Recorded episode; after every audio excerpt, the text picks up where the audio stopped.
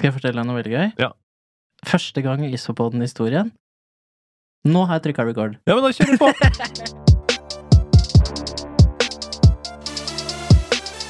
Halvpodden. Eh, først så vil jeg si takk til Later Hater, Rinfrost og Black Diamond. Og så må vi gi en big shout-out til, eh, til Lucky Barbershop i eh, Porsgrunn. Um, jeg setter sykt pris på at dere er med oss på reisen. Vi har Vi har eh, Jeg må ikke tråkke noen på tærne, men vi har årets beste podkast i dag. Eh, eh, dagens gjest er eh, født i en familie med rus og vold. Og vokste opp til å bli gjengkriminell gangster i Danmarks gater.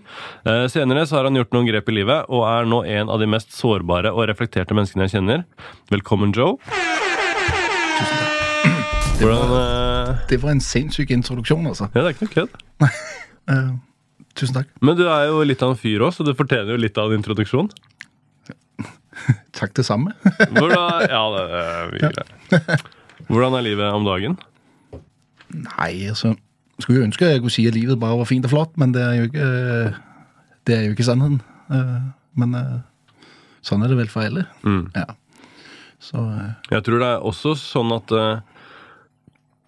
er, Jeg tror folk er litt redd for å si det, som du sa nå. Folk sier sånn Det går bra. ja.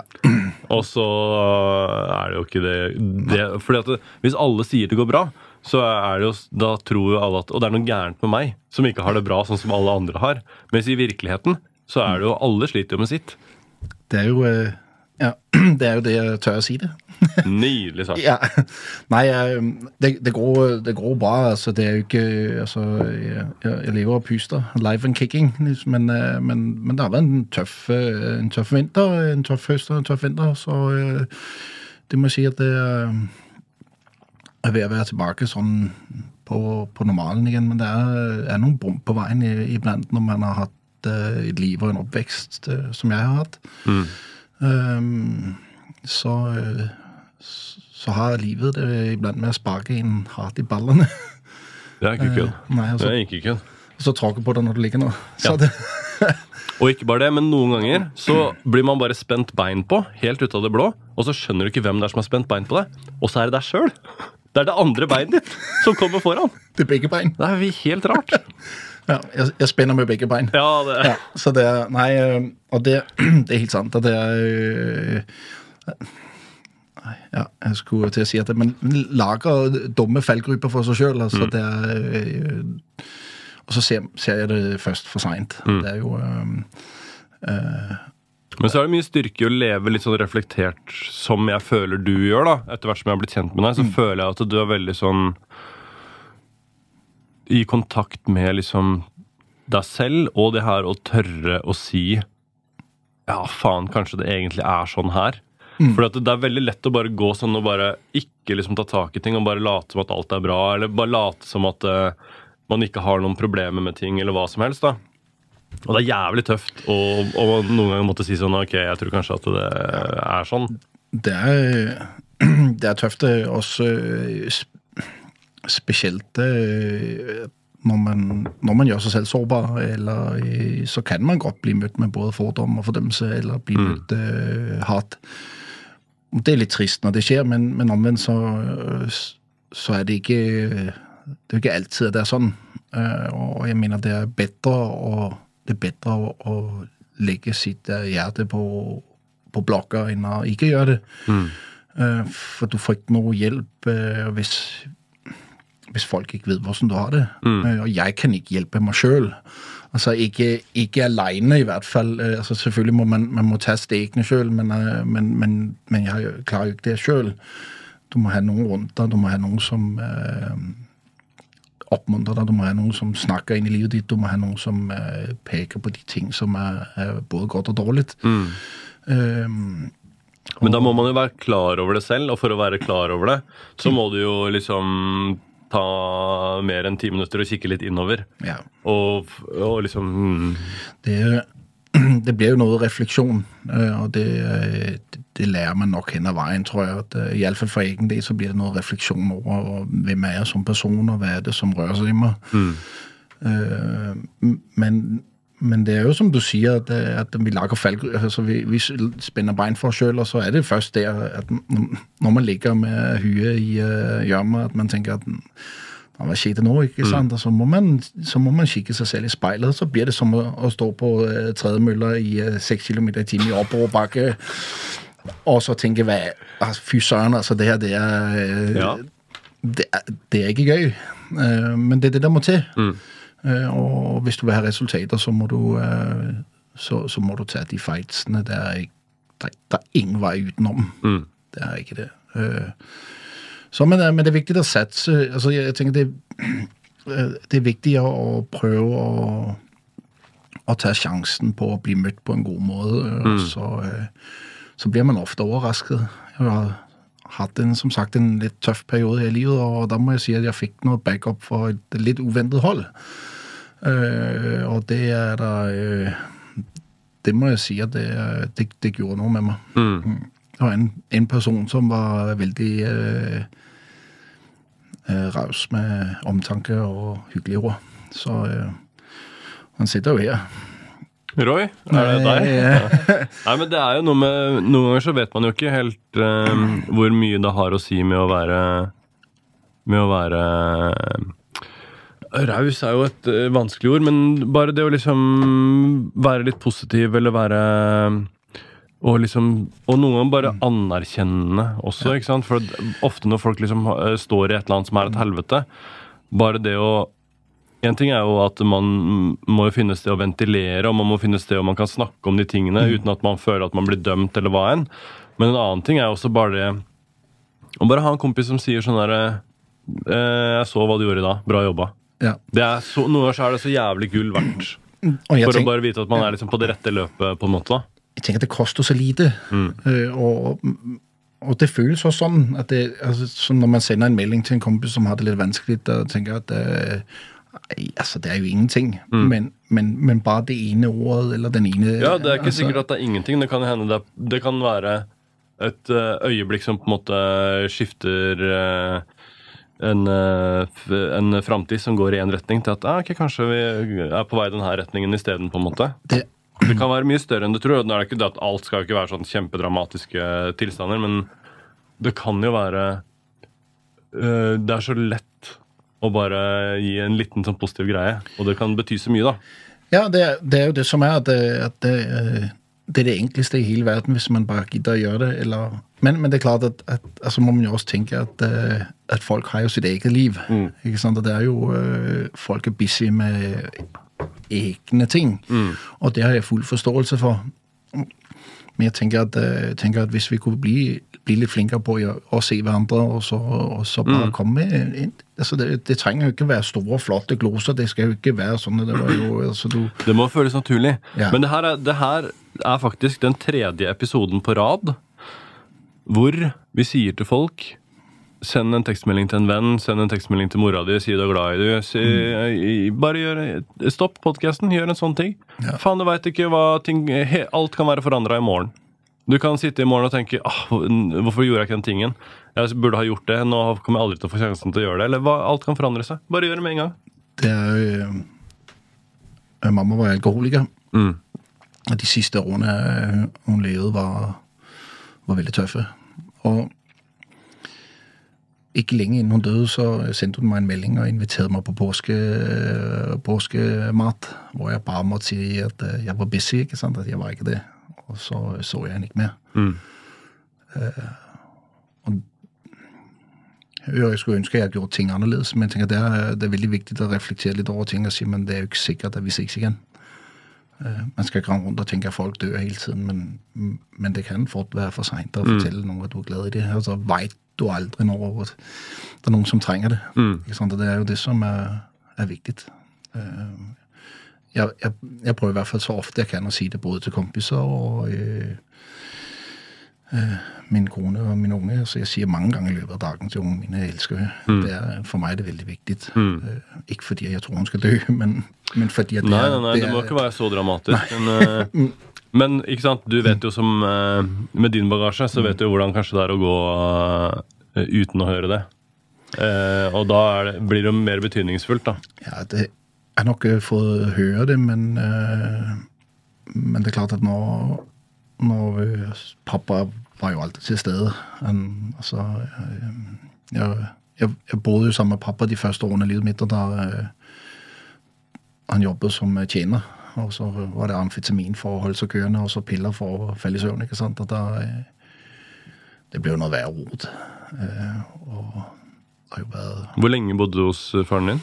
Jeg bodde hos han indtil, inntil jeg ble tvangsfjernet når jeg kom på barnehjem når jeg var fem. Ja. Øh, og der har det vært mye greier. Så at øh, Ja. Det er jo spesielt, og jeg har jo, har jo noen minner. Det er jo spesielt som femåring øh, og så husker jeg at man står og ikke kan vekke pappa. ikke sant? Han ligger bare helt gåen på øh, tabletter. og øh, Ja, det setter spor i en. øh, Og så har det vært sånn hele veien opp igjennom. øh, Til stadig. Han øh, Ja. Det er Hvordan var det å være på barnehjem? Nei, altså øh, det Første kvelden så, øh, så øh, Det var på en liten øy. Det barnehjemmet var så Du kunne ikke stikke av, liksom. Det er sånn Tatt fra en film, men Og så Da fikk jeg stjålet alle mine klær. Så måtte jeg, og så ble jeg jaget langt ut i skogen, liksom. Så måtte jeg sitte naken ute. Jeg og gemte meg naken ute i skogen. Da var jeg var fem år gammel. Fem-seks år gammel. Ja. Det er klart at det, det gjør noe med et barn, da. Men, øh, men det er det å være fjernet hjemmefra, eller det å ikke vite hva som skal skje videre, som er vanskelig, tror jeg. Øh, og det er jo uforståelig når man er i den alderen. Uansett hva der ligger til grunn for det, så er det jo uforståelig. Hvorfor kan jeg ikke bare være hjemme? Um, så det jo Fikk du noe forståelse av det? Hva som var grunnen og sånn? Altså, jeg har jo forstå, for forståelse for det, når jeg vok altså, er blitt voksen eller større. Ja, ja. Ikke sant? Når jeg klarer å se ting i, i, i et annet perspektiv. Men uh, jeg har alltid tatt pappa i forsvar. Det er egentlig så veldig rart. ikke sant? Fordi at, øh, at Det er helt vanlig, det er det som Ja, det er det. Ja. Og det er, så, det er så veldig, det er så sykt å se hvordan at, øh, at Og jeg har jo konfrontert med, den, med det og sagt at jeg mener, du er en stor grunn til at livet mitt har blitt som det har. Mm. Uh, hvor jeg opplever å bli møtt mm, på noen måte litt uforstående overfor det her. ikke sant? At vi jeg er klar over at de, de, tal- det, altså de, de valg jeg har tatt som voksen, det er jo er mine valg. Men det er klart at der ligger jo, der ligger jo noe i bagasjen som har gjort at jeg har, har endt opp hvor jeg har. Um, så det er jo, det, det forholdet til min pappa har vært veldig dysfunksjonelt, og jeg har måttet, egentlig bare måttet kutte kontakten fullstendig med ham, selv om det har vært veldig tøft. Så. Men ehm, Men du flytta, for du var i barnehjem en periode, og så flytta du tilbake til faren din? nei, da flyttet jeg hjem til mamma. Ja. Ja, og stepappa og øh, søs, altså ny søster og, og sant, så det og fikk, fikk vel aldri jeg tror aldri jeg fant, fant meg ordentlig til rette der. Altså, jeg, jeg og min stepappa hadde et veldig anstrengt forhold. øh, Det ligger jo på oss begge to. Altså, fordi jeg vil jo aldri akseptere han, og han, han hadde det nok veldig vanskelig med meg òg. Så, mm. så jeg begynte jo veldig tidlig å ruse meg egentlig øh, på tross av på tross av den øh, altså det jeg sett med pappa, så, så begynte jeg å leke med rusen veldig tidlig. Så det var jo Jeg tror jeg begynte å røyke hasj i sjette-syvende klasse. ikke sant? Mm. Ja, øh, det var der vi startet. Og så, så eskalerte det. Hvordan var du på en måte var du, Oppsøkte du noen spesielle miljøer, eller Det var jo veldig annerledes den gangen enn det er nå. Mm. fordi at den Ja, for det her er jo Danmark òg. Jo, men altså, i, den gang så var det jo altså, I dag så, så røyker alle jo hasj. Ikke sant? Det er jo Jo, ja. ja, Ikke men altså, du, du skjønner det. Skjønner det. Ja, sånn var det ikke den gang. Nei. Så du måtte liksom altså Det var, det var annerledes. Så du måtte liksom opp og banke på døren hos pusherne. ikke sant? At der Ja. satt noen av de store altså, de store gutta. ikke sant? At de, var jo, de var jo større enn meg, for jeg var jo 14-15 år. ikke sant? Så det var jo å gå på banke på døren der, det var jo grenseoverskridende. Så, men ja, Så det gikk jo slag i slag, det. Eh, Men det var jo annerledes eh, den gang, og det var, gikk jo fra hasj over til amfetamin og ecstasy og så kokain og Følte du at du gikk over en grense allerede når du begynte å røyke hasj den gangen? jeg, jeg tror ikke jeg tenkte så mye over det, men, men det er klart at, det at, at, at der er jo den usynlige grensen når du velger, og, og, men, men nok enda mer det å, å stille meg opp og banke på døren, liksom. Mm. Øh, der, der tråkket jeg nok over en grense som var vanskelig å reversere. For det, da hadde jeg beveget meg ut på, på farlig grunn. Altså. Ble du på en måte en del av det miljøet?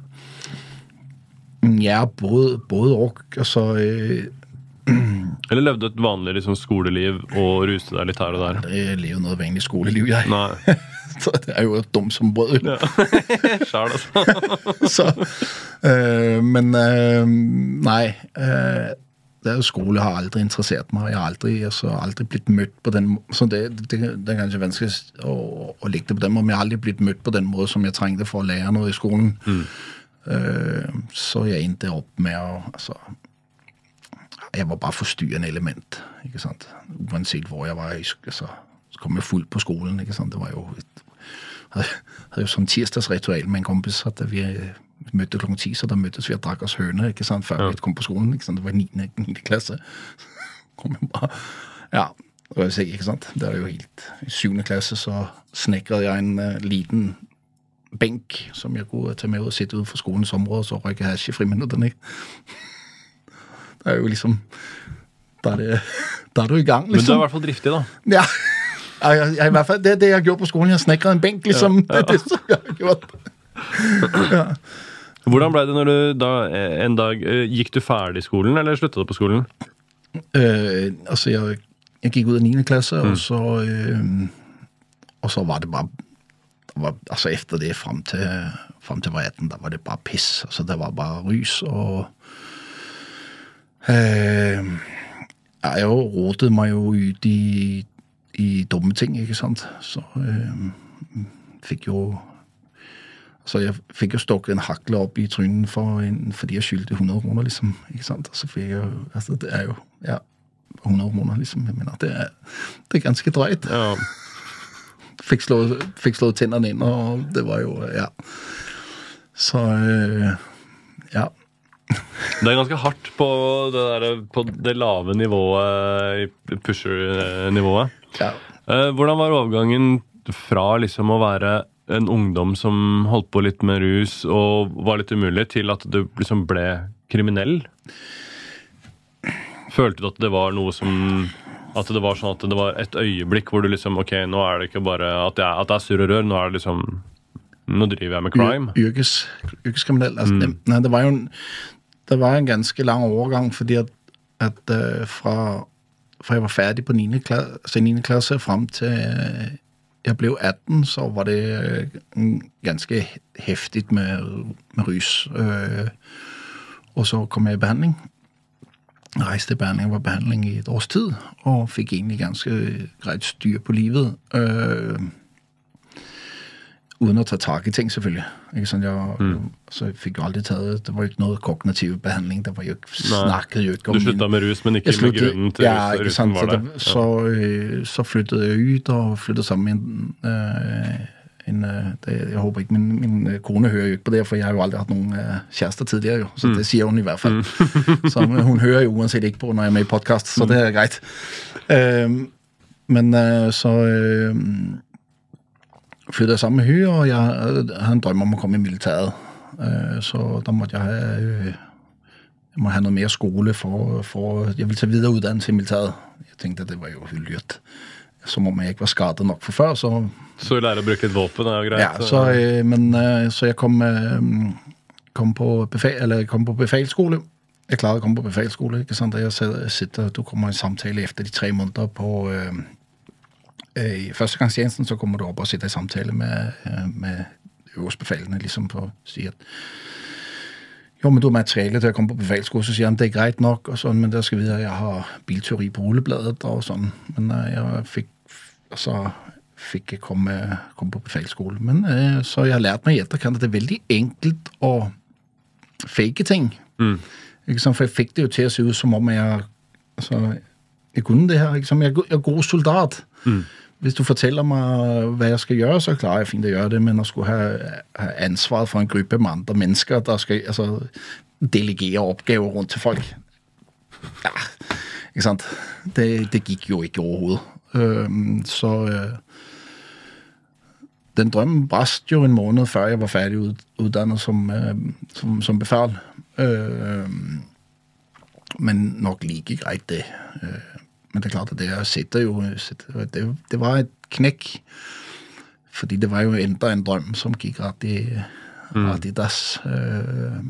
Så når jeg var ferdig med det, så ble det litt sporadisk jobbing og litt sånn. Og jeg drev jo med, begynte å drive litt med, med rus igjen. Sånn Og glad i å gå på byen, ikke sant. Så det ble jo, det ble jo litt eh, nesegodt.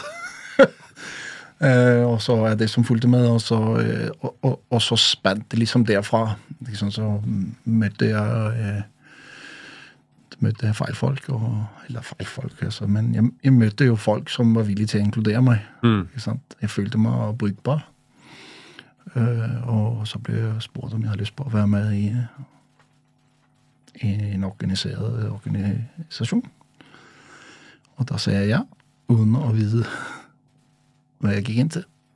Uh, når du først har sagt A, så, så er du nødt til å si B òg. Iallfall var det sånn for meg. Mm. Øh, så det førte jo, det førte jo mye med seg, kan man si. At, øh, både rus og angst og annet. Så jeg har jo, jeg har jo hatt høyst sannsynlig PTSD-diagnose selv fra barn av. Mm.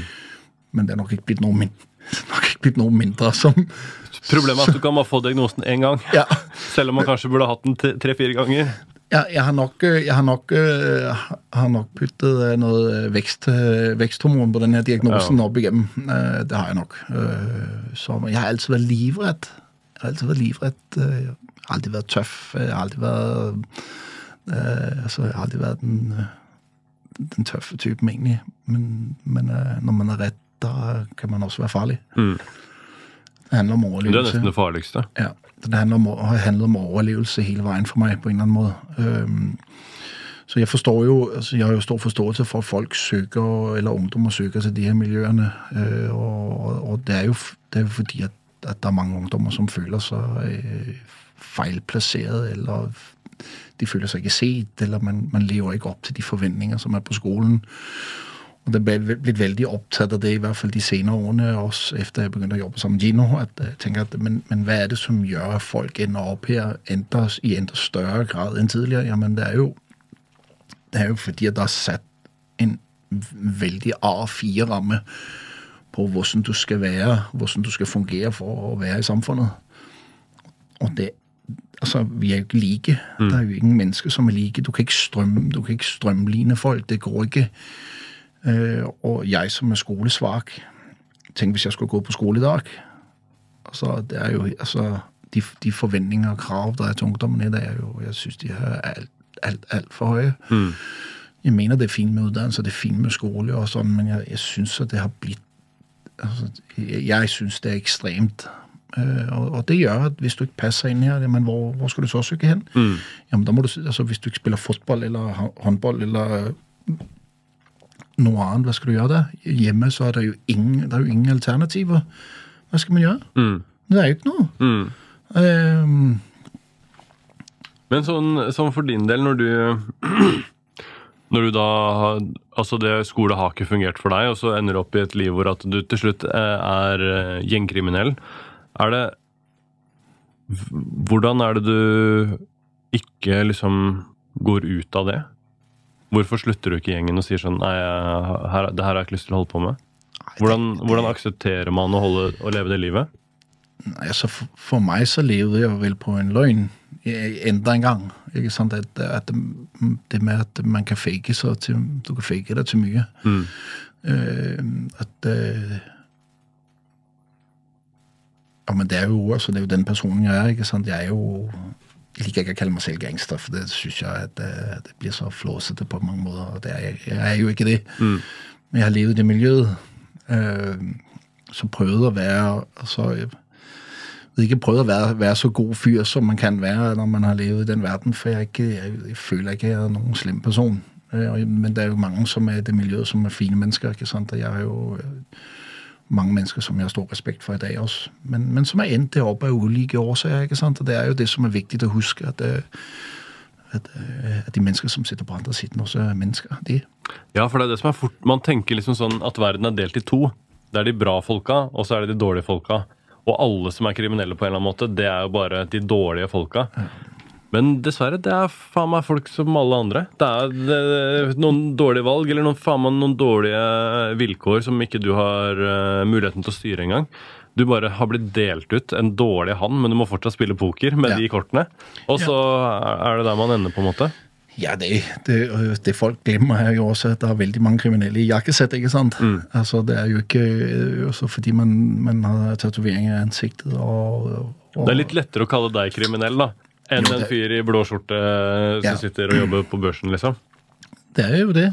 Og så er det jo fordi at det, mye av den kriminalitet man begår, det er kanskje mer synlig. Eh, men jeg, jeg velger å tenke at det er mange av de folk som er her, som ikke er dårlige mennesker. Eh, og mange som er i det miljøet, er jo ensomt som opp der av en eller annen årsak. Men, men som også igjen sitter igjen eh, så, jeg, tror ikke at det er drømmen for de fleste å ende opp der heller. Og Det er også derfor det er vondt å se at eh, unge gutter på 14-15-16 år ønsker å være gangster. ikke sant? Fordi det, har, det har så, det har så uh, store konsekvenser for livet ditt. Hvorfor tror du det er så mange flere som, er, som tenker de tankene nå, enn tidligere? Jeg tror mye er ensomhet, eller mye utenforskap, eller mye vanskelig å finne ut av hva man skal videre med livet. Og det er jo, igjen så er det det med at du må jo, altså innen du går ut av grunnskolen, så må du nesten vite hva du vil utdanne deg til. ikke sant? Og det er jo Altså, jeg er 40 år gammel, ikke sant? Jeg veit jo stadigvæk ikke hva jeg vil med livet mitt. Så det er jo liksom Men, men det er jo det er, Jeg syns det, det er så Jeg synes det er så syke krav og forventninger, og det er, jeg, tror det, jeg tror det er sånn for mange. Og så Og så er det noen andre ting som spiller inn. Altså, Du kan jo bare skru på TV-en. Netflix, Viaplay, HBO. Hva, hva er det av TV-serier? Men det har det ikke alltid vært sånn. Nei. Har det ikke det? Nei, altså, det har ikke- vært gang, gangsterrap og actionfilmer altså, alltid, på en måte. Jeg, jeg, er jo, jeg er jo old school når det kommer til det. Til det. Jeg er jo vokst opp med NWA og eh, Wu-Tang Clan og hadde jo et svært Wu- Wu-Tang-merke på veggen som jeg tegnet med sprittuss. Ja, ja. Mamma ble jo helt spinnvill. Ja. Så jeg er jo eh, Men jo da, altså Men det var jo annerledes grafisk den gang. øh, Og det er servert på en annen måte, men det, det som er i dag hvis- altså, Jeg, jeg syns ikke jeg husker øh, Så jeg ble ikke så påvirket av det den gangen som jeg tror at man gjør i dag. Gangsterrap, hva er det i dag? Ja, det er jo dop. Det er damer, det er Ja, ikke sant? Det er jo Det ser jo ut som om folk har et fint liv. Mm. Så øh, Men øh, Men øh, ja. Hva er det beste med gangsterlivet? Si at det som har vært øh,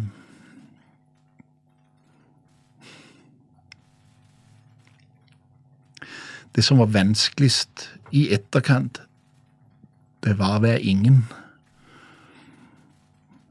Fordi at når man er i det miljøet, hvis du klarer å skape et navn for deg selv, øh, for deg selv eller er i en gruppering som har, har øh, noe å skulle ha sagt, eller så er det noen. Men plutselig så Plutselig så var jeg ikke det. Plutselig så var det tomt. Eh, Og plutselig så føler man seg veldig liten og veldig aleine. Så det er nok det med altså, Og så, så, er det altså, det, det er noe som er veldig vanedannende. Det er eh, penger, damer og makt. Eh, Maktfrykt. Det er eh, iallfall tre faktorer som jeg har sett veldig mye og Veldig mye eh, drivkraft, for å si det sånn. Så jeg vil nok si at det, det var for, for meg så var det det, det har aldri vært øh, det så, har sånn veldig dysfunksjonelt forhold til penger, da, men det er jo hva det er. Men, øh, men, men det var mer det å plutselig føle at man ikke er, ikke er noen ting. Og det, det, var, det var en hard kneik å komme over. Eh, Hvordan, hvordan eh, kom du ut av gjengmiljøet? Øh, jeg stakk så fort jeg fikk muligheten.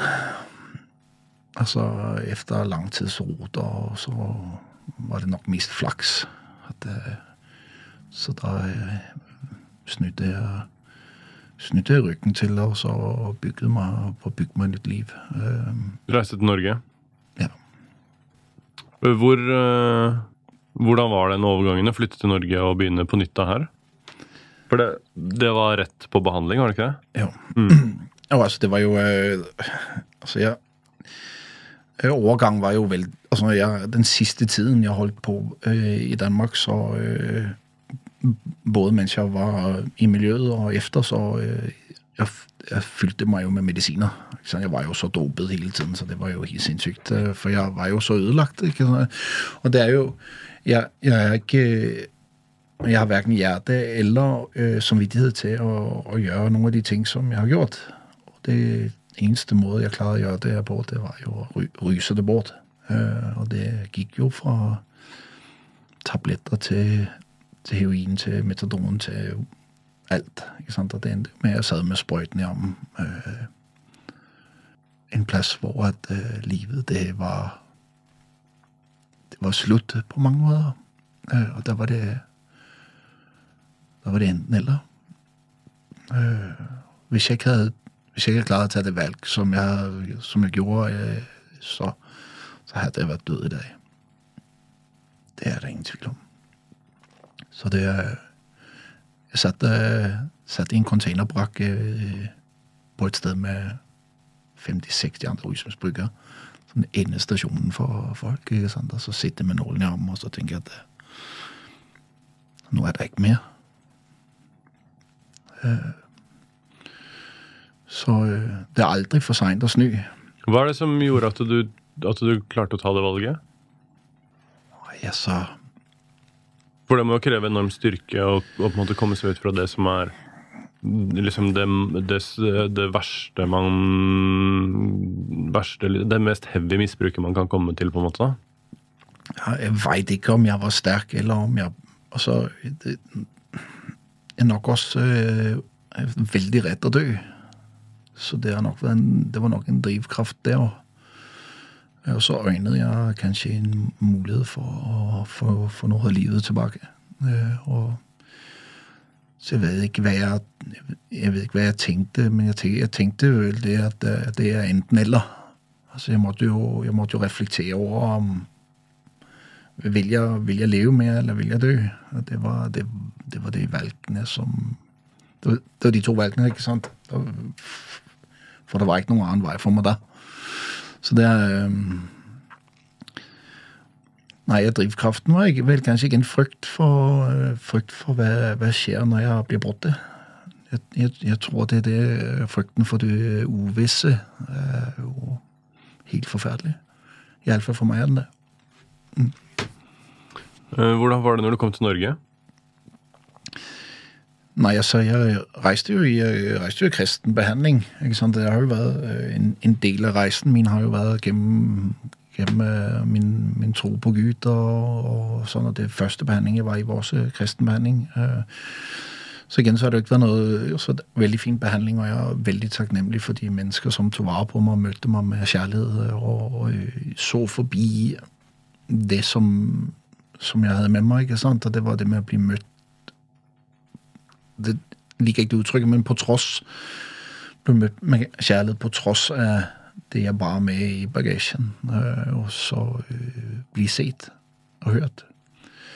Øh, Og det med å bli møtt av mennesker med, som, som viser deg kjærlighet uten å ha noen grunn til det, det var nok det som var skjellsettende, eller i hvert fall var med til å forvandle livet mitt. At jeg ser at det er noen som er villig til å gi både sin tid og sin sin kjærlighet og seg sjøl til andre mennesker uten å, uten, å, uten å få noe igjen for det, på en måte. Så det var nok noe av det som reddet meg. Når du Når du står i den situasjonen som du har gjort, da, så, så du kommer ut fra behandling og er eh, eh, på en måte et, i et helt fremmed land, eh, uten noe nettverk, du kjenner ingen Hvor begynner man Altså, du har på en måte gjennomført en behandling, men du må jo starte du må jo starte helt nytt liv? Ja, jo, Hvordan begynner man jeg, jo, jeg har jo gjort det flere ganger, kan man si, at jeg flytte rundt og starte på nytt. og sånn, og Det har jo alltid vært, alltid vært veldig rodløs. Øh, så uh, Men, uh, men den Altså Historien er jo sånn at øh, jeg satte meg, satte meg øh, på bussen øh, 31. mars øh, i Danmark, øh, 2012. Og så kjørte jeg opp hit. Og så øh, inn på Oslo S, som er rett rundt hjørnet, og så tok vi toget til Drammen. Og så ble plukket opp der. en av dem som jobber der hvor jeg skulle i behandling. Og så sier han at «Nå, skal vi hente en, en, øh, en som jobber hos oss, en dame. Er en veldig nydelig dame, øh, så nå må dere oppføre dere pent. Og det er kona min. så jeg hadde vel vært i Norge i, Norge i fire-fem timer, og så møtte jeg kona min. Ja. Så, øh, så det var og, og det gikk jo ganske fort slag i slag etter det. altså Hun sluttet å jobbe der hvor øh, jeg var i behandling. Og så så der, jeg bygger jo allerede der noe, noe nytt. Men det er klart at du må jo starte et helt nytt nettverk, og du må jo finne deg nye venner. Men jeg, altså, jeg snakker jo med alle, og kona mi sier jo at jeg, vi har bodd sammen i 20 minutter, ikke sant? og så kjente jeg jo alle. Jeg kom på butikken, og så sier jeg så snakker med en av de ansatte og sier Nei, hvordan går det med de syke barna? Hvordan, så kjenner, Ja, ja, ja. Hvor, kjenner, hvor, hvor kjenner du han fra? Nei, men han jobber jo. sant? Så det er jo det med, jeg, jeg snakker jo med alle. Så, øh, så det med å bygge relasjoner for meg er veldig enkelt, egentlig. Og det jeg elsker nye mennesker. Jeg elsker å høre folks historier. Og det er jo, synes det er motiverende og inspirerende å møte andre mennesker. Øh, og det får meg også, får meg også til å se litt bort fra, fra meg sjøl. og så det er derfor så det Bruker du det som en sånn Som en uh, måte å liksom unnslippe din egen virkelighet litt noen ganger? Ja, det er ikke umulig. Det, det, det med å flykte ut i samtalene med andre mennesker, det, Ja, ja. jeg vil- det, det syns jeg er veldig spennende. Ja, ja. Så det er nok en, det er nok en flukt i det. Og så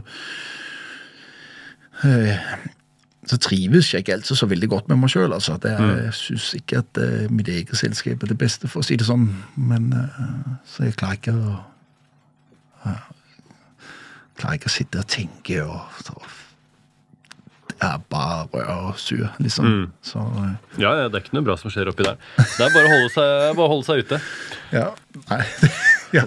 Det er under rekonstruksjon, eller jeg vet ikke hva det måtte stå en lapp på Det det. står, det står to stykker inne og maler og jobber noe jævlig Ja, Ja, det, det lyder riktig, ja. Ja, ja, ja. Ja.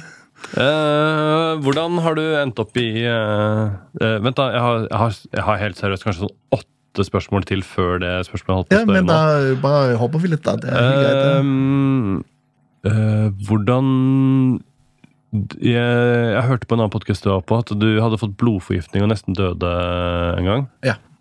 Hva er det som skjedde? Og, uh, nei, altså jeg, jeg var jo veldig eh, Veldig lite kritisk til hva jeg satte i armen, og så eh, Så ble jo veldig dårlig en kveld. Veldig, veldig dårlig. Da bor jeg der som jeg snakker om på det, Ja. det oppbevaringsstedet. Og så eh, sier jeg til når personellet at jeg er ikke i form. Jeg, altså, kunne jo ikke gå oppreist nesten, og det snur rundt, og jeg kaster jo opp allting, ikke sant. Og så sier jeg, nei, nei, men vi sjekker til deg i morgen, da. Og så, øh, så kommer hun inn dagen efter, og så, øh, og så øh, sier han, oi, ja, nei, vi må nok sjekke pulsen din, sier han. Pulsen din, sier han. Så, og da, da fikk hun panikk, fordi jeg hadde jo så vidt puls, ikke sant. Det var jo det var jo, Jeg hadde ikke bare ett ben i graven, jeg hadde vel begge bein godt planta nede på bunnen, bunnen allerede da. Så øh, det gikk øh, veldig kort tid, så holdt det ambulanse og legebiler og hele pakka der ute. Og, øh, det var sånn veldig surrealistisk, fordi at øh, jeg fleipet med, med legen i ambulansen og sier nei, men da snakker altså, jeg, jeg var jo bare meg. Jeg tenker, jeg var jo dårlig, men øh, Og så øh, de, jo, de var helt desperate for å gi meg væske. Og når du ikke har noen puls, hvor skal du sette væske da? For da finner jeg jo ikke noen vener. mm, Uh, så uh, det var uh, full utrykning inn på altså akutten, og jeg var dårlig. Jeg var 60 kilo på det tidspunktet. eller noe. Det er halvparten av hva jeg veier nå. ikke sant? Ikke sant? Og så øh, øh, blir jeg jeg blir jeg kjørt ned på en stue, og så øh, Måten man gir øh, væske til folk som ikke som må ha akutt væske, der man sprøyter det inn i skinnlegen. Og altså, du, må, du, må med, du må ha med i minnet her at, at jeg var holdt på å daue, men Ja. de måtte være seks til å holde meg. Ja. Fordi at det, altså det føltes som om at de knakk skinnlegen sakte. Altså det altså var som om at de bare bredte den nedover en, altså en bordkant, liksom, og det var, det var helt sykt. Og det, så husker jeg ikke mer. Da våknet jeg øh, ikke sikker om det var på øh, øh, Jeg sov vel i 48 timer eller noe mer, men jeg tror jeg det kan godt være det er, det kan godt være det er en øh, røver, det her, men jeg, jeg syns jeg minnes at jeg var på min bursdag. Jeg våkna på intensiv i en seng full av piss. For jeg har fått så mye væske, og kateteret var fylt, så jeg, det var liksom Og da, øh, da ble jeg innlagt på psykiatrisk avdeling, og da øh, etter det, og så øh, og, og, og da sitter jeg med det, var nok der beslutningen ble tatt om, om jeg skulle gjøre noe med livet mitt. Det var jo en, det var en stund før jeg reiste opp hit, at det hvor jeg reflekterte litt over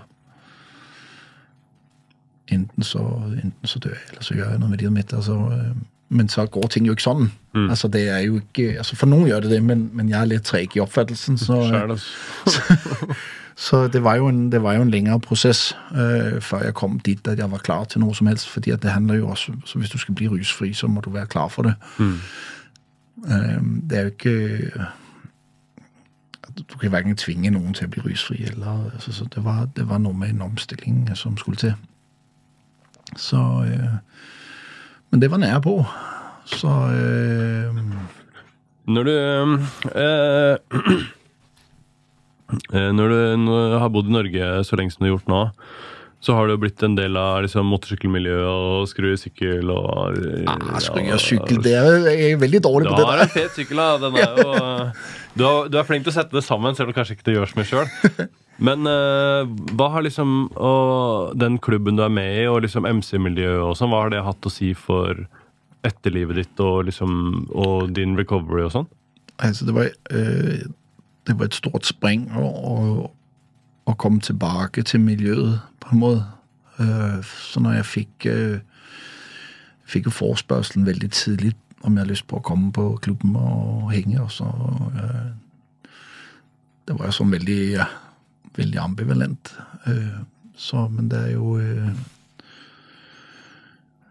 Jeg tok, jeg tok sjansen, og så, så så ble med, og så er det jo gått i. Det er ti år siden nå, da. Men eh, det gikk lenge før jeg var ute i miljøet, for å si det sånn.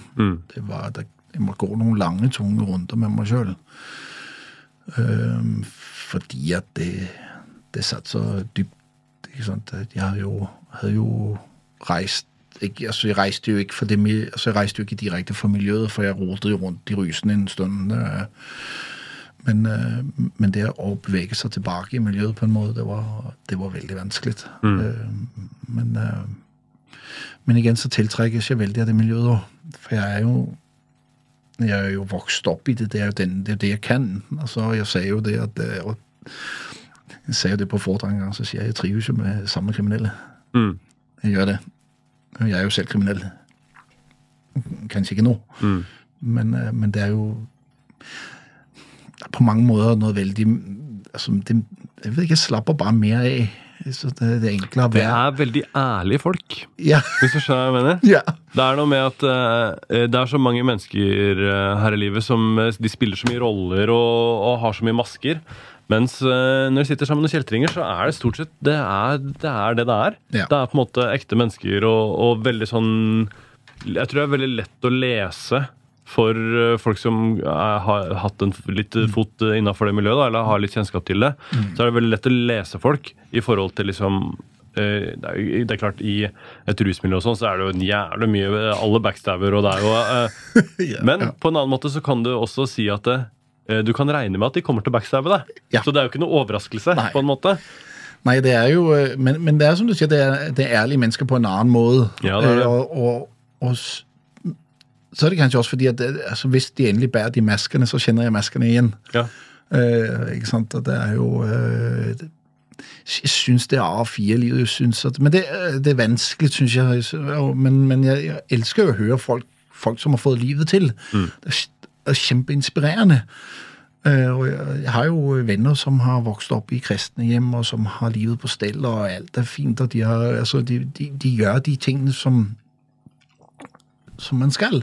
Og det syns jeg Jakob er veldig imponerende. Det er jo, Jeg elsker å høre de historiene òg. Sant? Øh, Men det er jo igen det som folk sier men din historie er jo så spesiell. Nei, den er jo ikke det. Det er bare min historie. Så alle har jo en historie. ikke sant? Og det må du jo vite som driver med podkast. Alle har jo en historie. ikke sant? Det er jo også, og det er jo også det når jeg møter ungdom eller møter folk som har det vanskelig, så sier men, at folk sier, men, men, men du har jo hatt det så mye verre enn meg. Men hvordan måler man det? Det er ikke noen der sitter med en, en linjal eller med glass eller milli, milliliter og sier nei, du har fått fem milliliter mer vondt enn meg. Det er ikke sånn det fungerer. Så, altså, og det, som er, en, en sammenligning er jo at vi to kan jo sparke bort i bordbeinet. ikke sant? Og, for, og jeg, det er så vondt for meg, jeg ligger med noe rot. ikke sant? For, og, og for deg så er det sånn å ja, ikke sant? Og sånn er det også med livet. At øh, for noen så kan det, øh, kan det som synes for meg være en liten ting, være et gigantisk problem for dem. Og derfor så er det veldig viktig at man øh, er veldig viktig at man ikke neglisjerer sine egne problemer fordi man tenker at men andre har jo mye større problemer. Ja. Det er jo det der barna sulter, i Afrika-syndromet, som Ja. er sånn det, det hjelper jo ingen, og det har jo ikke noe Du får jo ingenting ut av å sammenligne deg med at noen andre har gjort et eller annet annet. For at det, alt kommer an på om du har det bra eller ikke. Ja. Og hvis ikke du har det bra, så må man jo finne ut av det, uavhengig av om naboen har dritt i buksa. Ja, ja, Det det, ja. handler jo om ja, og, du har det. du får jo aldri noe hjelp heller hvis det er du, hvis det er du går og tenker alle har det mye verre enn meg. Jeg fortjener ikke å få noe hjelp fordi at mine problemer er bare filleproblemer. Mm. Det er jo ikke det som er sannheten. Sannheten er jo at, øh, at dine problemer er dine problemer, mine problemer er mine problemer. Ja, ja. Og jeg ønsker bare å sette, altså det er det jeg ønsker å sette lys på det som er vanskelig for meg, øh, og, og, og vise at det er greit å snakke om det. Det er greit å være sårbar, det er greit å gråte når man er en voksen mann. Det driter jeg i, altså, fordi mine følelser og mitt liv har jo vært vondt. Og det er det stadigvæk. Øh, og det har jeg ikke noe problem med å fortelle om. Øh, og det syns jeg Det syns jeg må være sånn det skal være. Ja. Og gråte, det er jo helt greit. Vi trenger ikke å sitte rundt bordet her og grine alle sammen. Jeg syns at det er veldig, veldig fint at um, Fordi det er veldig mange som um, blir inspirert, og det har jeg sett de her gangene til og med, sånn som uh, når dere var med på Når vi hadde Tørr å si det i Larvik. Det at uh, folk kan se at det er folk som ser sånn ut som eh, deg eller meg eller Vegard eller Gino eller Ja. Big Mike eller hva Folk som eh, Folk kan se at uh, han svære motherfuckeren med tattis i trynet, han tør å være så sårbar da, og tør å være så åpen og fortelle om Det er ikke enkelt, og det er et helvete noen ganger. Og, og liksom Ja. Det gjør at eh, andre tenker sånn Å ja, kanskje øh, Fordi det bryter et stereotype, så da kanskje man tenker litt sånn Å ja, faen, kanskje ikke de er så tøffe som man skulle tro. Kanskje liksom eh, ikke man må liksom eh, gjøre seg til, og kanskje man eh, tør å stå i sine egne følelser på en måte, fordi man blir litt inspirert av at eh, hvis de tøffe gutta kan gjøre det, så kan i hvert fall jeg gjøre det. Jeg har jo ingenting å tape som et image på en måte, eller hva enn da. Jeg tenker, jeg, tenker Jeg syns det er bra at voksne folk griner litt, ja. Spesielt de som er, har tattis i trynet og er svære motherfuckers, for at du vet det er den lille redde gutten. vet du. Inni alle de der svære gutta med rustning, så er det den lille redde gutten. Og, det er med, og det er det mange som kjenner seg igjen i, og det er jo øh, kanskje viktigere at det er sånne som du og jeg og alle de her andre gutta gjør det, enn at øh, Jeg, jeg tenker det er viktig å sette fokus på at det iallfall er helt greit. Mm. Det er helt greit å, å, å føle på ting. Og så er det helt greit å si det også. Jeg, jeg veit i hvert fall at det kan koste livet ikke å gjøre det. Mm. Ja. Det er ikke det er ikke hverken det første eller siste sommerdød, der er ikke å si ting, for det skjer Mm. oftere enn man tror. Mm. Spesielt for menn. ikke sant? Så vi har jo det kjedelige statistikk vi har. Ja, helt jævlig statistikk. Ja, så øh, tre ut av fire, ikke sant? Mm.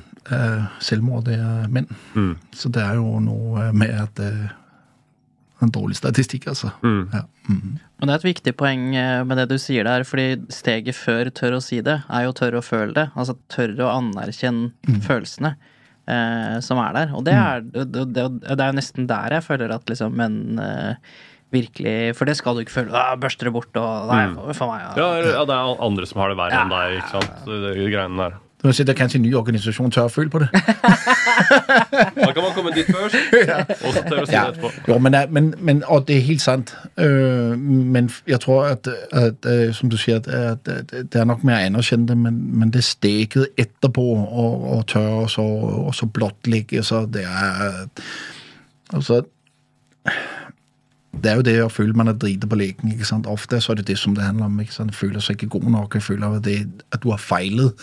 Og så må du legge det her på bordet. ikke sant? Så skal det sitte noen på andre siden og vurdere altså vurdere det opp og ned. ikke? Og det er jo, det er jo den følelsen man har. Sier nei, men vet du hva, jeg, jeg føler jeg har jeg føler jeg, jeg føler ikke får livet til. Jeg føler jeg, jeg driter meg ut. Jeg føler livet er ødelagt. Jeg føler meg ikke god nok. Eh, Jeg har ruset meg. Jeg har stjålet. Jeg har ja, altså, det, det er ødelagt andre mennesker. Ikke sant? Og det er jo det er jo noe av det jeg sitter igjen med som er vanskelig, at den følelse av På veien min så har jeg ødelagt mennesker som jeg har vært glad i. Eh, Og det, det må man Jeg tenker, Det må man tørre å si. Jeg har en, eh, en, en søster som jeg har begynt å få litt kontakt med igjen. og det forholdet det har jeg ødelagt veldig. Og det, det er noe som jeg kjenner veldig på. Men rusen og mm, gjør fæle ting med folk. Og jeg syns jo eh, Og det er jo eh, Ja, det, det, det er ubehagelig å si, da. Men, um, men så synes jeg også noe derfor jeg føler veldig på at det er så veldig greit å sette seg ned og så sniffe en bane med kokain. Og det er liksom så greit, men eh, jeg syns det er helt sinnssykt jeg syns det er helt sinnssykt at, det har blitt sånn. Og jeg tror Jeg tror innenfor de neste fem-ti årene så vil du se en generasjon som er helt ødelagte. Mm. Eh, det, altså, psykiatrien dag er knestående. Om fem-ti år så er det, har de ingen sjanse. For rusen ødelegger deg, uansett om du bare sniffer litt kokain bare sniffer litt kokain i helgene. Mm. Altså, det, det gjør så mye mer med deg enn bare det. Det Du veit aldri når eh, altså Det er det er russisk rulette. Du veit aldri når eh, Du veit aldri når pistolen liksom går i. Og da er det, da er det for seint. Da har du ødelagt eh, følelseslivet. Du har ødelagt Ja, jeg, jeg, sliter med, jeg sliter med glede i livet. Jeg, jeg føler eufori.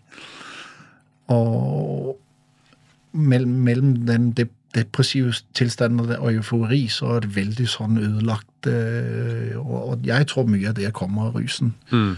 Og, og hvis du ser på kokain, for eksempel, som er så veldig hypet, så er det jo noe som destruerer din, eh, det følelsesmessige livet fullstendig.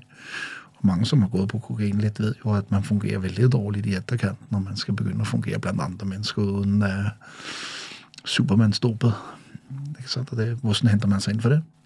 Ja, jeg syns det er legemiddelen. Jeg syns det er forkastelig at folk de Jeg kan godt forstå at folk bruker det, men, det, men, men, men at, at man, man promoterer det her overfor barn og unge som om at det er helt greit. Ikke sant? Jeg driter i hva voksne mennesker gjør. Folk er voksne mennesker får gjøre det med livet sitt de vil. Men vi har barn og ungdommer som vi skal være forbilder overfor og ha et ansvar for at de skal ta rette valg, og ikke ødelegge de med våre idiotiske valg. Og det, det syns jeg, det synes jeg um, jeg synes at voksne mennesker mangler å tråkke i karakter her. Men hva tror du er løsningen, da? Nei, ja, det skulle jeg likt å vite da hadde jeg blitt millionær, tror jeg. Ja. Uh, nei, men det er igjen det med vi må jo møte våre ungdommer, så må vi, så må vi være gode forbilder. Ikke sant? Det er jo det som Det nytter jo ikke noe Nå har jeg en jente, men det nytter jo ikke noe at uh, Hvis jeg hadde hatt en gutt der jeg hadde rent rundt og så uh, vært liksom, liksom gangster Altså, Det kan man jo godt være. ikke sant? At gå rundt og synes at det er greit å holde litt på og sånn, og histen og pisten, men hvordan blir ungene da? Mm. men de ser jo pappa. ikke sant? Det er akkurat som hvis jeg, som kona mi sier, at hvis du vil ha din datter skal velge en bra mann, så må du være en god pappa. Så jeg må jo prøve alt jeg kan å være en god, et godt forbilde for henne. Eh, Og jeg, jeg tror vi feiler som foreldre i, i dag, fordi at voksne mennesker i dag mange skal realisere seg sjøl og sine egne drømmer og sitt eget liv. ikke sant? Skal ha litt godt i glasset, eller jeg skal ha meg en fest, eller Men jeg forstår jo godt det. Men hvilke, hvilke preferanser er det vi gir våre unger? Jeg sier ikke man skal være avholdt, og jeg sier ikke det ikke det jeg mener man kan godt nyte livet, men jeg tror det er en veldig mellomting her. Ja.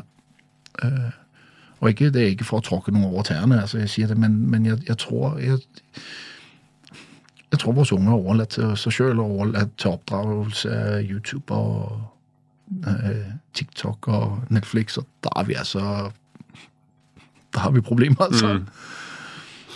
Hvordan er det for deg å bryte den sirkelen og, og skulle liksom eh, drive barneoppdragelse og skulle ha For du vil jo oppdra kanskje barn som du vil at ikke skal være trenge å ha det livet du har hatt? Eh, Den papparollen, den er vanskelig. Ja. Ja. Det er det å være familiepappa og ektemann og sånn, det er jo noe som jeg Altså Det er ikke noe jeg har sett. Så mitt, mitt familiebilde altså, er jo så, dysfunksjonelt, så dysfunksjonelt som noe kan bli. Så hvem, har jeg rollemodeller til sånn? Nei, men da må man jo prøve å se rundt etter andre som, som kanskje har fått livet til bare litt. Eh, Så det har vært noe av en, vært noe en reise. Men jeg ønsker jo det beste for min datter. Jeg ønsker jo å være et godt forbilde. Men jeg er jo høne, hønepappa. Jeg er jo så overbeskyttende, så det er jo helt sinnssykt. Ikke sant? Nei, vær først, ikke, nei, ikke sant? At det, jeg gruer meg til hun skal begynne å date. Det er Nei, men uh, nei, jeg Kjøre henne på kino med fire stykker fra klubben bak motorsykkelen og sånn, liksom? Ja, må det. Eller bare følge, eller bare følge efter. nei, jeg vet ikke. Uh, så nei, eh, det, det er vanskelig. Uh, det, uh, den rollen er sinnssykt vanskelig, for det er ikke noe som kommer naturlig til meg. Da kommer vi tilbake til den rollen, i, i miljøet er mye enklere for meg. Men, men man lærer hen ad veien, ikke sant? Det må, man må jo bare det. Eh, så ønsker jeg ikke at min datter på noen som helst måte skal bære noen av de, øh, de tingene som jeg har fått med meg fra tidligere av. Øh, så livet er Jeg syns livet er finurlig. Ja.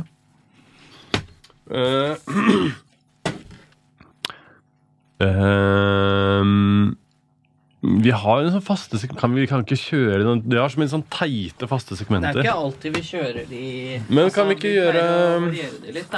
Kan vi ikke gjøre um, Jeg har en uh, Hjelp meg på slutten, innsendingsspørsmål, men kan vi ikke gjøre um, et uh, fast segment som er Hva er din favorittatovering?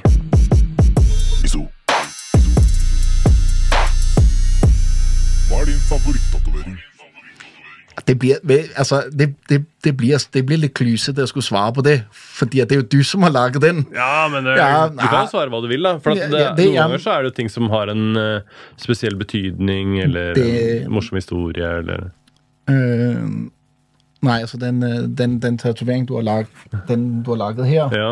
det er jo det som øh, Det er det som har mest betydning for meg. Fordi Ja. det er en Det er øh, den er historien.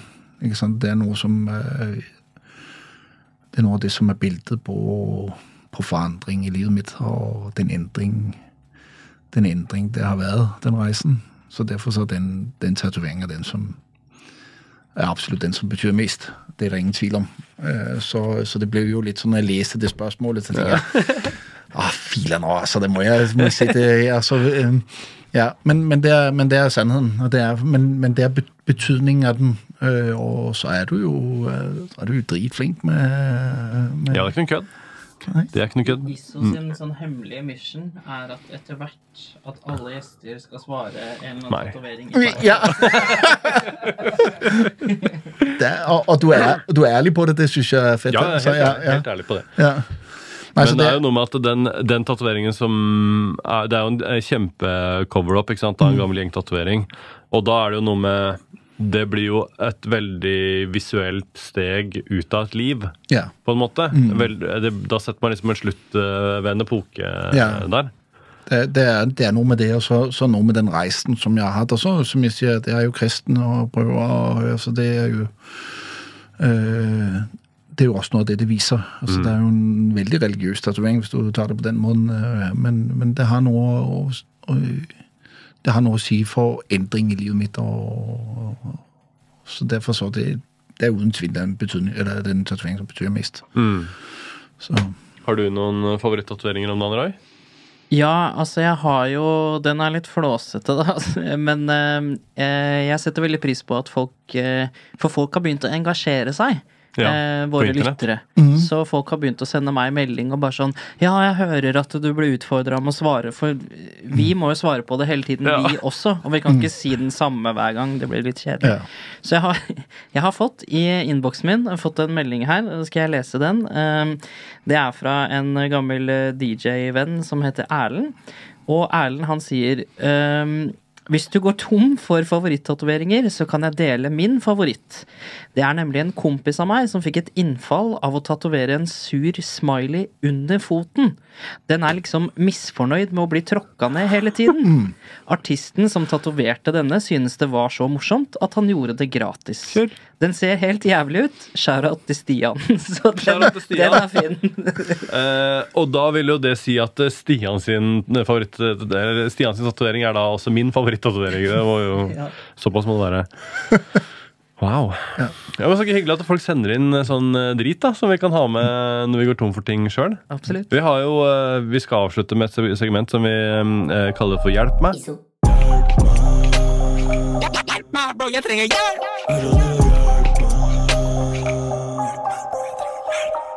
Ofte så er det bare sånn folk bare sender inn masse ting uavhengig av hvem som er gjester, og sånn, Ja. så plukker vi ut noe som, eh, som vi bruker. Da var det en som sendte inn et spørsmål som var Subliminal swimming pool. Oh ja, Det var spørsmålet. Det var spørsmålet. Okay. Jeg, jeg har litt problemer med å forstå hva det er. Men det er det vi har å deale med her, da. Og det kan hende Men det er, det er sikkert noe. Jeg veit ikke. Ja, men Du har- Du ser sikkert på episoden og sitter hjemme og bare «Haha, De sa det!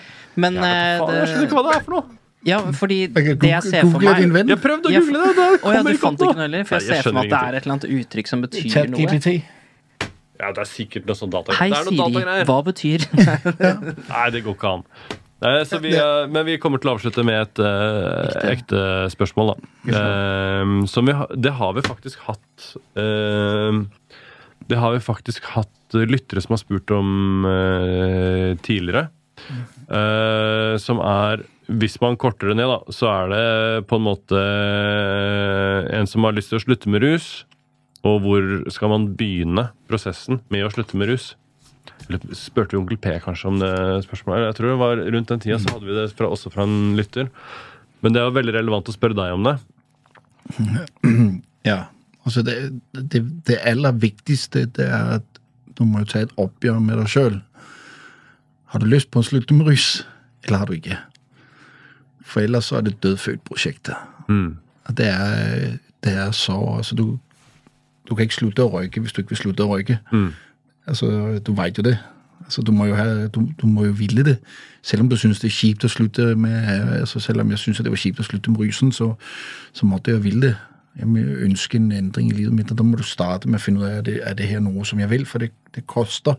Det koster helt sinnssykt mye. Eh, Og hvis du går inn i det her halvhjertet, så er det veldig vanskelig. Jeg sier ikke at man ikke skal prøve for det, men, men du må starte med deg sjøl for å finne ut av men, men vil jeg slutte med rus, eller vil jeg ikke slutte med rus. Og da, hvis du kommer fram til den konklusjonen om jeg har lyst på å slutte med rus, så må du finne noen å snakke med. Eh, For det å slutte sjøl, det er Er det noe Altså, er det en eh, Hvem tar man kontakt med? Er det en uh, kontakttelefon? Fins det, er det noe sted man kan søke informasjon om det? altså veldig, veldig spredt. Det ligger jo også i, øh, i Drammen, øh, eller andre plasser, så ligger det Jeg vet det ligger flere plasser, men det heter jo PHR, psykisk helse og rus, som er sånn lavterskeltilbud. Og der, da, kan man jo henvende seg, og der, da kan du iallfall få, få snakke med noen og så få kanskje få noe hjelp videre. Eh, og det finnes masse sånne tilbud. Det er eh, Google is your friend. liksom. mm. Det kommer an på hva du vil. Jeg har vært kristenbehandling, det er ikke for alle. Øh, men men det, altså igjen så kommer det til det steget. Du må, du må jo være villig til å sn altså, snakke med noen. Du må være, du må, og Det er litt flåsete å si, men du må jo tørre å si det. Øh, For det er jo det som er et, øh, det er, jo det som er et, øh, et problem. At må jo er- erkjenne at ja, jeg har et problem, jeg trenger noe hjelp. Og det å si det til andre folk er ikke alltid det enkleste. Altså, det, da må du se deg selv i speilet. Jeg har også hørt eh, Jeg har jo ikke hatt noe rusproblem selv, så jeg har liksom ikke måttet ha noe å slutte med. Men jeg har hørt andre som har måttet det, som har sagt at deres løsning ble å gjøre det for seg selv, og ikke fordi tidligere hadde man kanskje prøvd og liksom funnet ut at ja, men jeg skal gjøre det for den kjæresten, eller jeg skal gjøre det for eh, Og da vil det litt som du sier nå, da, at liksom Vil du det egentlig selv? Og det er helt sant. Og det, det har jeg, jeg har hørt mange si det også opp igjennom. men det- og det er en av de få ting jeg har lært av min pappa, faktisk. Eller jeg har lært flere, men det er en hvor han har sagt at, at, at du, altså hvis du skal slutte med rusen, så må du slutte for egen del, og ikke slutte for andre. For det, er, det å slutte for andre, så er det jo veldig enkelt å si at eh, Nei, men, men sånn sette litt på spissen her, men altså, jeg skal slutte for din skyld, og så skuffer du meg, ikke sant? Da gjør jeg et eller annet som skuffer meg, men da går jeg jo Nei, da bare driter i det. Da går jeg jo og ryser meg igjen, for nå har jeg holdt meg rusfri for din skyld. ikke sant? Så det er, jo, det er jo det med å Som du sier, det er veldig, det er veldig riktig at du må, du må, du må se, se på det som noe du gjør for deg sjøl, og ikke for noen som helst andre. Så det andre kommer jo som et pluss. Så det er helt sant. Eh, da, men det lander igjen der at du må, du må finne ut om du vil det her. Du må finne ut om du har lyst på å bli rusfri eller ikke. Og, og det, er, det er kanskje kaldt og kynisk å si det sånn, men det er, det er sannheten at eh, hvis du ikke vil bli rusfri, så blir du ikke rusfri. Så kan du prøve så mye du vil. Altså, du, du, blir ikke, altså, du blir ren på beina hvis du fortsetter å stå og tråkke i låten. Du gjør ikke det. Altså, det er jo Uansett hvor mange ganger du løfter beina, så blir du ikke ja. Og det går igjen i mange ting òg, i psykiatrien og altså ikke Ikke legg din lykke i andres hender. Nei, jeg, Det går igjen. Punktum. Det er hele livet. ja, nei og, det, jeg er ikke helt enig i det. Hvis man koker det ned til setningen Ja. If you don't love yourself, Ja. how are you gonna love somebody Ja, else? og det er riktig, men, eh, men jeg mener det er veldig viktig. det- Fordi det, Men man kan, kan jo få av andre mennesker Ja. og den connection man kan få med andre mennesker og sånn. Men eh, det må ikke være det som Det må ikke være drivkraften. Ja. Nei. Nei, nei, nei, jeg er helt enig. Og drivkraften må være altså, det, må, det må være Det er veldig selvsentrert, men det må være at de, for din egen skyld. Hvorfor går du til psykolog? Jamen, det er for at jeg skal få det bedre. Hvorfor slutter du å ruse deg? Jamen, det er jo for at jeg skal få det bedre. Og så kommer det i etterkant, jamen, så blir det et pluss over for dine barn og din familie og dine venner. ikke sant? At, mm. men, men det viktige er å gjøre tingene for seg sjøl. Ja, for det er mange som tror at du bare automatisk blir rusfri når du får barn. Ja, men nå skal jo han bli pappa, så da må han jo Jeg kan bare Men det har jeg sett så mange ganger, det er ikke dritt å si, altså. jeg kan bare fortelle deg en ting, at det blir ikke noe enklere fordi du får barn. altså. Det er, hvis det er noen som prøver å bilde det inn, så er det i hvert fall bare ljug. Start med å prøve å få til å lete eller en gullfisk, og så finne ut om du klarer å bli rusfri for den. Ja. Ja. For det er det, nei, men, men fordi at med barn så følger det jo helt sinnssyke altså, Man kan ikke sette seg inn i man kan ikke sette seg inn i hvor mye ting som følger med det for barn. ikke sant? Det er jo så mange, ja, så, Og der skulle det bli enklere å å ruse seg. Ja, ikke sant? Det er, ja. Ja. ja, det er riktig. Det er ikke så mange som vet det, at Nei. å ha små barn, det er psykisk terror noen ganger, det. Du har ikke sovet på to måneder. Nei, det er bare Og koselig. det er, det ikke koselig med Faen, jeg, møtt, jeg møtte på en fyr, jeg skal ikke nevne navn, men jeg møtte på en fyr for eh, et uvisst antall år siden som hadde en to måneder gammel baby. Og så spurte jeg hvordan var det, er det liksom god stemning og eh, moro og gratulerer og Han var sjukmeldt, han. Han var utbrent. Han var helt på stålet. Han var helt grå. Det var ingenting igjen. Han var helt ødelagt. To måneder. Psykisk terror. Gått i to måneder, hadde ikke sovet, hadde faen ikke driti aleine. altså, Så skal det bli enklere da? Altså da det blir jeg skal enklere? si at, at jentungen er jo, er jo ni år gammel nå, og jeg får jo stadigvæk nesten ikke lov å drite alene, fordi at når jeg er på do, Ja. så, er, er, altså, så kan alle andre bruke doen. Ja. Ja, Det er noe med det. ja. Men jeg kan jo uh, fortelle at og det, det er sånn litt at uh, min datter vil jo ikke altså, de, første, første tiden, de første to måneder, så sov hun veldig fint. Etter det så måtte vi sitte sånn i sengen med Ja. for hun ville sove. Ja. Hver kveld. I en time, halvannen. Ja. Så måtte vi på skift sitte og vugge henne. Ikke, Ja. sånn, ikke sånn, men som en, en berg-og-dal-bane. Det måtte- Og, og du, når, du når et punkt hvor man har sittet der inne i mørket Ja. i måned efter måned, hvor, hvor, hvor man begynner å spekulere over hva, hva er det der foregår her. Og, og nå er hun sånn at den dag i dag, hvis hun kjører berg-og-dal-bane, så sovner hun. Ja. Ja. Eh, det er, nei, det er, eh, det, er mås, nei, det er morsomt nå, men det var, ikke, det var ikke morsomt når det står på. Altså. Ja, det var. Det er helt eh, jævlig. Ja, folk, folk tror ja, Nei. For barn det skal man ikke gjøre, fordi man vil få det altså, Du skal ikke gjøre det som en forutsetning for å få det bedre, fordi at det er feil ende å starte, altså. Ja. Denne episoden er sponset av RFSU. Nei, men det er, og barn er jo en man, eh, Vi lever jo i en verden hvor man bare forteller alt det bra med å ha barn. Så da er det liksom, det er ikke alle som tør å være ærlig. Det er veldig sånn, Man får jo bare all informasjonen fra én side. Ja. Du får veldig sjelden se alt det andre. Jeg, jeg, jeg, Jentungen har driti i diaré i bleia og i saccosekken. Liksom. Du får ikke høre så mye om det greiene der. kommer hjem og tegner seg over hele kroppen med Ja, sprittus og så bli som klippet faren. eh, Ja, klippet, eh, klippet eh, så fordi de liket frisør, eller Mm. Ja, nei, det er, det er mye moro. Det er mye moro. Ja. Nei, eh, men det, det å bli pappa er jo altså, samtidig med som at, eh, at det har vært veldig tøft, så har det jo også satt ting veldig i, i perspektiv, da. Eh, og jeg har jo lært å kjenne så altså, Jeg sitter mange ganger og så kikker jeg på henne, og så tenker jeg at eh, hvordan, eh, hvordan kan man som pappa ta de beslutninger pappaen min har gjort? Mm. Og så er det bare sånn at eh, At eh, jeg elsker henne over på jorden. Mm, Men så er det igjen der Livet er jo livet. Så man tar aldri riktig vel. Alltid. Men, eh, men man kan gjøre det så godt man kan. Mm. Og så, så, så er det vanskelig å gjøre det bedre. Men jeg Én ting er sikkert, og hvis jeg går i døden for den jenten, det er det ikke et, altså, Er det, er det noe, noe som kunne få meg til å gå i døden for, så er det hun. Det er, det er jo Det er sånn skummel tanke å sitte og leke med hvor langt det er man villig til å gå for sine barn. Og det er det er grenser der kan overskrides som jeg aldri har overskredet før, tror jeg. Men eh, Og så blir jeg, som jeg sier, hønepappa. ikke sant? Løper rundt dette. Ikke, bare Vær forsiktig. ikke sant? Kanskje du slår det, eller Nei, det er ikke sant. Men eh, jeg har bare én. Skulle kanskje ha laget tre, fordi så har man alltid en til overs. jo, men du, du ser jo det. Jeg har jo venner som har tre barn, og så sier det første, så var de sånn, den andre, så var det litt mer den tredje. Ja, det det er sånn. bare blaffen i, ikke sant? Det går bra. Ja. Ikke sant? Så det er jo ja. Det er Ik sånn. Ikke nøys med et barn. Nei. Få et par stykker, så går Ja. det ja. Nei. Eh, skal vi gi oss på den? Har du eh, den eh, nye faste spalten din? Ja, Eller Eller kan- var det bare for én episode? Nei, nei, nei, jeg, har, jeg er forberedt, jeg, så vi kan, uh, vi kan kjøre den. En konkret anbefaling. Har du det på ekte? Ja, ja.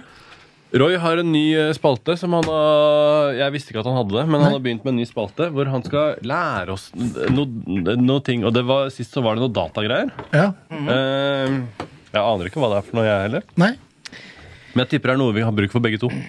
Ja, det som er poenget med denne spalten, er jo at uh, du som lytter uh, og, eller ser på, og oss her i studio, er at man skal få noen konkrete anbefalinger og noen tips inn i hverdagen til noe som kanskje er litt underkommunisert, noe som jeg kanskje føler som en slags hemmelighet, eller en liten life hack, om du vil.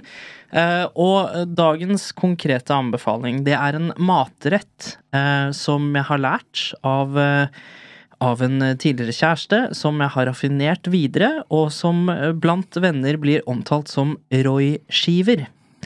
Og det er veldig enkelt. Eh, Du tar bare et, eh, en tynn skive brød. eh, Hva slags type skive du måtte like, om det er kneip eller grov eller eh, gulrotbrød eller hva, hva enn du liker.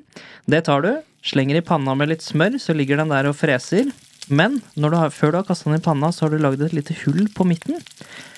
Og nå kommer det fiffige lille trikset. Du tar et egg som du visper sammen med noe digg krydder. Her er det, altså det er veldig mange valgfrie variabler her. Putt oppi det krydderet du liker selv, og så heller du egget, når du har vispa det sammen til en sånn liten sånn omelettrøre, heller du det oppi brødskiva som ligger og steiker nedi panna, sånn at det soaker inn i brødet, og så blir det verdens beste frokostmåltid. Det er Roy-skiver, altså. Det var min eh, dagens, type, det eh, dagens konkrete anbefaling. Ja, ja, ja. ja. Eh, for min del så eh, Jeg lever jo et liv eh, eh, på Jeg lever jo et liv på Pimplotion-dietten, så det blir ikke noe for min del. Men eh, Jeg spiser hva som helst. Og jeg, spiser, syns jeg, det syns. spiser, jeg spiser bare kjøtt. Ja. Jeg spiser kjøtt og egg og noen få andre ting. Mm. Det er det eneste. Da kan du skjære hull i en biff, og så kan du legge Ja. egg oppi. Det er jeg helt med på. det var nice, ja. Eh, takk for at du ville være med på Norges beste podkast. Jeg, har satt- jeg sa- satt pris på det, jeg setter pris på det, og jeg setter veldig pris på deg. Og det du eh, bringer til de folka rundt deg. Eh, og det eh, På en måte det som du gjør med å bare gå rundt i verden og være deg. Eh, jeg setter pris på deg og Roy. Eh, jeg setter pris på dere som eh, ser på og hører på. Eh, ta og Send en melding til noen du er glad i, og si at du er glad i dem. Og så ses vi neste kanskje fredag. Later.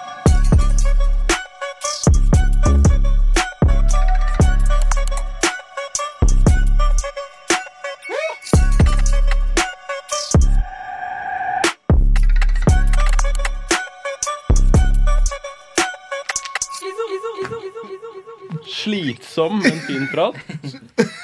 Ja, det skal gå litt innpå. Ja, fader, altså. Det er eh,